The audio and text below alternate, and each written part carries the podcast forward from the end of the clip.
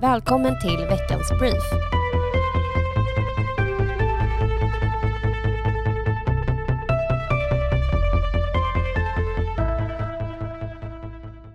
Hej och välkommen till Stockholmpodden och veckans brief där jag, Celine och min eminenta kollega Disa kommer gå igenom och uppdatera er om de senaste politiska nyheterna. Disa, hur är det med dig? Jo men det är bra med mig idag. Eh, det är jättefint väder. Vi har visserligen stämmohelg så vi kommer inte se solen. Men jag passade på att ta en promenad i morse för att liksom få lite solstrålar. Hur är ja, det själv? Vad härligt. Jag mår, jag mår bra. Eh, jag har laddat upp för helgen här nu, eh, om en lite för lite sömn, men det ska nog gå bra ändå. Ja, du var ju på Beyoncé också. Ja, fantastisk konsert. Super, super roligt. Så nu har jag laddat med krafterna här för helgen. Ja, och som sagt, det är ju stämmohelg. Eh, vi har två stämmor den här helgen, vilket är ovanligt. Normalt sett så brukar vi ha en för staden och en för länet i olika helger, men nu kör vi en späckad helg istället. Och det har varit jättemycket arbete inför och det kommer vara jättemycket arbete under. Det är nästan 150 stycken motioner som kommer behandlas. Ja, det är en hel del. Men det kommer bli intressant att höra vad, vad som kommer diskuteras eh, och vilka beslut som kommer tas. För det här lägger ju ändå grunden till vad vi kommer driva för politik framåt. Jo men verkligen, det är ju här politikutvecklingen börjar och eh, det släpptes även ett extra avsnitt med Andrea och Dennis eh, gällande stadens proposition som just är en sån här politikutvecklingspropp. Exakt. Det kan man ju lyssna på om man vill. Precis, väldigt spännande för där får man ju höra lite om hur man ser på Stockholms stads framtid. Så den kan vi rekommendera om. Ska vi köra igång med lite nyheter kanske? Ja, men jag tycker det. Och det har ju varit partiledardebatt förra söndagen, den 7 maj. Och eh, det var ju fyra ämnen som eh, debatterades. Och det var ju, inleddes ju med en duell med eh, Ulf och Magdalena. Otroligt spännande.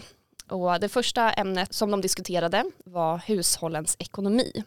En väldigt aktuell fråga och som jag tror att många hushåll faktiskt vill ha svar på, både från Ulf och Magdalena. Ehm, och här fokuserade Ulf på att förmedla att vi gör rätt saker, alltså sånt som stöttar de som behöver stöd allra mest och utan att elda på inflationen som vi har lärt oss av tidigare kriser under 70, 80 och 90-talet. Men Disa, vad tyckte du om debatten och eh, du duellen? Ja, alltså jag tyckte väl debatten i stort var ganska hetsig eh, och det kanske inte riktigt är mitt föredragna format faktiskt. Så att Ja, jag vet inte, jag var inte jätte, jätteimponerad av liksom hela formatet. Jag tyckte alla hade en väldigt hård ton eh, och avbröt varandra på ett ganska otrevligt sätt. Sen så blir det ju så när många ska komma till tals.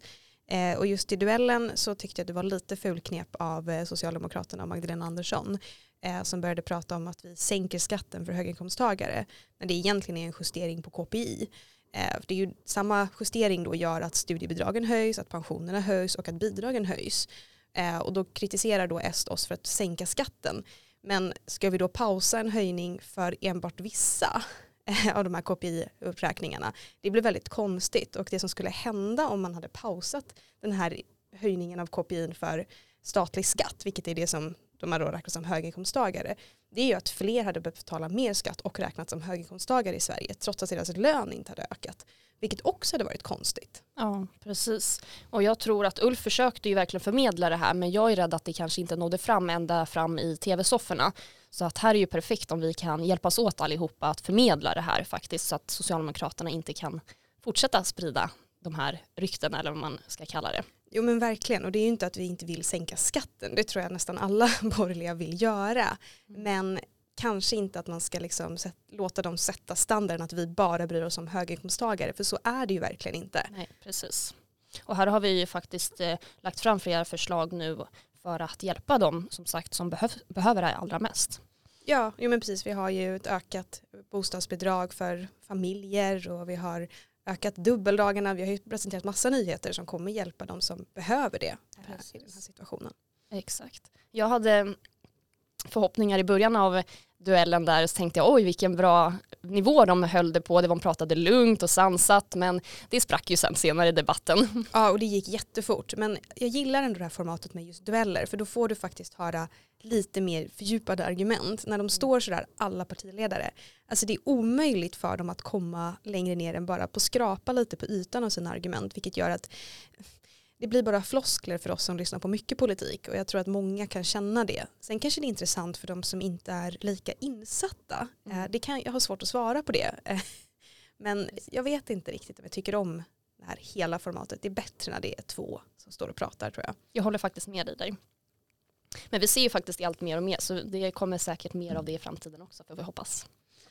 Ja men definitivt. Och förutom det här med att eh, Magdalena Andersson tryckte väldigt mycket på att vi försöker sänka, eller vi har sänkt skatten för de som har allra högst inkomst, så går de ju också stenhårt in på det här med att demokratin är hotad. Och det är också tydligt att de inte själva har någon politik just nu att gå fram med tycker jag, utan bara letar saker att kritisera regeringen för. Men definitivt och det tycker jag man märker också på hela den här debatten angående lotteriförbudet. Alltså där slår de stenhårt på att det här hotar demokratin. Nej, det hotar Socialdemokraternas finansiering. Jag tycker att om man är intresserad av det här ska man lyssna på Karl Nordbloms inlägg i riksdagen eh, som han släppte här i veckan. Yes. Eh, det ligger på hans Instagram bland annat. Stämmer. Och sen var det ju då tre efterföljande ämnen som också var en duell och sen så en debatt för alla och då var det kultur, klimat och integration som debatterades. Precis, och de här eh, partiledardebatterna brukar ju finnas att se i efterhand om det är så att man missade det vid den här det här tillfället. Ja, de ligger nog på SVT Play. Precis. Och för att gå över på de nationella nyheterna så släpptes det bara några timmar innan partiledardebatten att reduktionsplikten nu sänks till 6% för både bensin och diesel och det här är vid årsskiftet. Och eh, detta ska ge ett sänkt dieselpris på ungefär 5,50 kronor liten. Och det här är ju något som är väldigt bra för alla familjer där ute eh, och framför allt för jordbruket som påverkar priserna i matbutiken. Drivmedelpriserna eh, har ju påverkat jordbruket och i sin tur då priserna i matbutiken helt enkelt. En mycket god nyhet som kommer göra det bättre för alla familjer där ute. Ja, och eh, Tamsons här, eh, vårt oppositionsregionråd var faktiskt ute även och sa att det kommer påverka busstrafiken och kollektivtrafiken positivt för att deras drivmedelspriser också sänks. Så Exakt. det får vi ändå se en win-win för, även för klimatet kanske lite där. Absolut. Eh, sen har det ju varit mycket prat om tågstrejk här nationellt. Det har varslats om strejk från den 11 maj men under torsdagen kom nyheten ut att det stundande strejkvarslet skjuts upp tills på måndag klockan 15. Det vill säga samma dag som det här avsnittet släpps. Så vi vet ju inte än om det blir någon strejk, men om det bryter ut i strejk eh, det hänger på om fack och arbetsgivare når en överenskommelse innan den 15 maj klockan 15.00. Och det första steget omfattar över 200 medlemmar.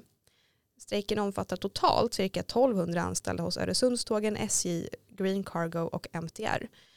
Och strejken innebär att tågtrafiken påverkas både för persontåg och för godståg. Eh, och steg ett då som sagt är 200 medlemmar och steg två eh, det blir ett utvidgande eh, och det träder i kraft, ja det var ju då 15 maj, nu vet jag inte riktigt, de skjuter väl fram det lika många dagar som det här var då helt enkelt, men då går 450 medlemmar ut i strejk. Eh, och över 200 av de här är anställda på Röda linjens tunnelbana i Stockholm. Så om vi når den punkten så kommer det nog vara väldigt stora trafikstörningar här i Stockholms pendeltågstrafik. Även om det inte träder i kraft så lär det påverka kollektivtrafiken i Stockholm den här veckan. Eh, för MTR måste schemalägga om allting och schemalägga som om det skulle bli strejk. Så vi kan nog vänta på stora störningar i både pendeltåg och tunnelbana. Och för att gå över till den sista nyheten på nationell nivå så har vi lagändringarna som träder i kraft den första juli i år. Och som vi redan har berättat i tidigare i podden så är det mycket på gång i justitiedepartementet. Gunnar Strömmer har verkligen hållit ett högt tempo under sina första månader, vilket är otroligt välkommet efter åtta år med Morgan Johansson. Och några lagar som redan har beslutats om i riksdagen som nu kommer träda i kraft den 1 juli i år är höjda straff för bland annat rån, utpressning och olaga hot. Och det är en del i det stora arbetet mot att få bukt på gängbrottsligheten som sedan kommer följas av slopad mängdrabatt och dubbla straff för gängkriminella.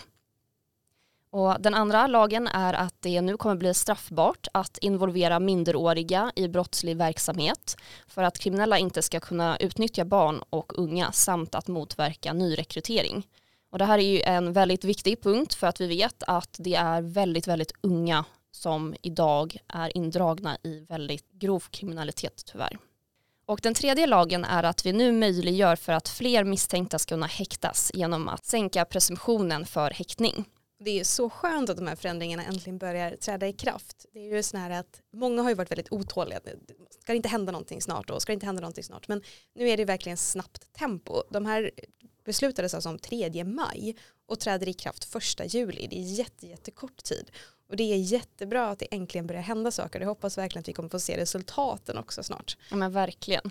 Och här eh, för en instickare så tycker jag att vi verkligen ska hjälpas åt allihopa och förmedla allting som regeringen gör. För att jag tror, vad jag har hört så är det många som ställer frågor, vad gör regeringen och jag tycker att det går långsamt och så vidare. Medan jag tror att vi här internt har en annan bild att det går mycket, mycket fortare. Så att om vi kan hjälpas åt att förmedla det så vore det ju toppen. Ja, jättebra att göra det och det är jättekul att folk har så höga förhoppningar och förväntningar på att Moderaterna sitter i regeringsställning. Verkligen. Eh, men det är också viktigt att vi förmedlar allt det bra vi gör eh, och så får vi hoppas på att det kommer ännu mer bra, vilket det naturligtvis kommer göra. Ja, det kommer hända mycket, mycket mer. Och jag är då kollektivtrafiksrapportör eller någonting den här veckan för vår första nyhet från regional nivå, det är att MTR inte får förlängt avtal. Eh, och det var ju då i veckan som SL meddelade att Region Stockholm inte förlänger pendeltågsavtalet med MTR. Eh, och det här avtalet går ut 2026 eh, så nu startar upphandlingen för vilken operatör som tar över pendelstråkstrafiken i Stockholm från och med 2026. Och anledningen till att avtalet inte förlängs det är de problem som har varit i pendeltågen det senaste halvåret. Och SL menar att det nuvarande avtalet inte ger MTR de ekonomiska förutsättningarna som krävs för att kunna leverera trafik av tillräckligt hög kvalitet. En annan nyhet från regionen är att de senaste åren har i snitt mer än 8 av 10 barn fått vänta längre än vårdgarantins 30 dagar för ett första besök hos Stockholms centrum för ätstörningar. För vuxna är kötiden upp till ett år för behandling. Och här har oppositionsregionrådet och moderaten Charlotte Broberg riktat skarp kritik mot vänsterstyret för att det inte har sett in tillräckliga åtgärder. Bland annat vill Moderaterna i Region Stockholm att det snabbt ska upphandlas vård från privata vårdgivare för att kunna hålla vårdgarantin. Och Moderaterna söker en blocköverskridande överenskommelse för detta men har ännu inte fått respons. Vänsterstyret hänvisar istället till framtida utredningar och systemförändringar. Och vi kan stryka det här med att jag är kollektivtrafikkorre. Jag är nog trafikkorre för vi går över till staden. och då blir det lite nyheter om de här fina hyrcyklarna som står runt i Stockholms stad. Och som många kanske har märkt så är de här hyrcyklarna i Stockholms stad borttagna. Och det här är på grund av ett allvarligt designfel som gör att det blir sprickor i ramen. Hyrcyklarna ställdes ut förra året efter en utdragen förhandling och process och har sedan dess kantats av jättemycket problem. Eh, appen har inte fungerat och det har varit för få cyklar och många cyklar som har stått ute har varit trasiga men de har ändå gått att hyra. Och anledningen till att det nu är fullständigt hyrstopp det är att en cyklist skadade så allvarligt att den här fick föras till sjukhus på grund av det här designfelet då. Och Moderaterna och oppositionsborgarrådet Dennis Vedin han har kritiserat både cyklarnas funktion men även då det här avtalet att det inte har följts för att det har varit för få cyklar ute under hela våren. Och Moderaterna i Stockholms stad kräver att avtalet med hyrcykelföretaget hävs och söker därför stöd över blocket för detta. Trafikborgarrådet och miljöpartisten Lars Strömgren han har svarat att stadens jurister inte har hittat tillräckliga skäl för att avsluta avtalet. Så vi får se var det landar med de här cyklarna helt enkelt. Never ending story. Verkligen. Har det hänt någonting mer i staden Celine? Ja, det har ju det och det är tyvärr inte bara gällande eh, de långa väntetiderna som barnen påverkas utan det är faktiskt så att Stockholms stads grund och gymnasieskolor kommer gå med underskott om hela 324 miljoner kronor under 2023. Och det har varit protester i veckan från både lärare och föräldrar och vänsterstyret i Stockholm menar på att det är staten som måste skjuta till pengar. Eh, men Moderaternas oppositionsborgarråd och skolpolitiska talesperson i Stockholms stad Andrea Hedin kritiserar majoriteten hårt för att de inte försöker själva utan bara lägger ansvaret på regeringen. Hon menar på att med en budget på nästan 60 miljarder för staden måste det gå att prioritera om och hitta några hundra miljoner för att inte skolan ska nedprioriteras och lärare ska riskeras att varslas. Moderaternas förslag är att flytta pengar från den centrala medelsreserven för oförutsedda kostnader till utbildningsnämnden. Än så länge har vänstermajoriteten inte presenterat något förslag så det återstår att se vad som händer. Och det är alltid så himla mysigt att sitta och prata här med dig men vi måste faktiskt avrunda. Jag tittar på klockan nu och inser att vi ska vara vid stämmolokalen om typ sådär en och en halv timme.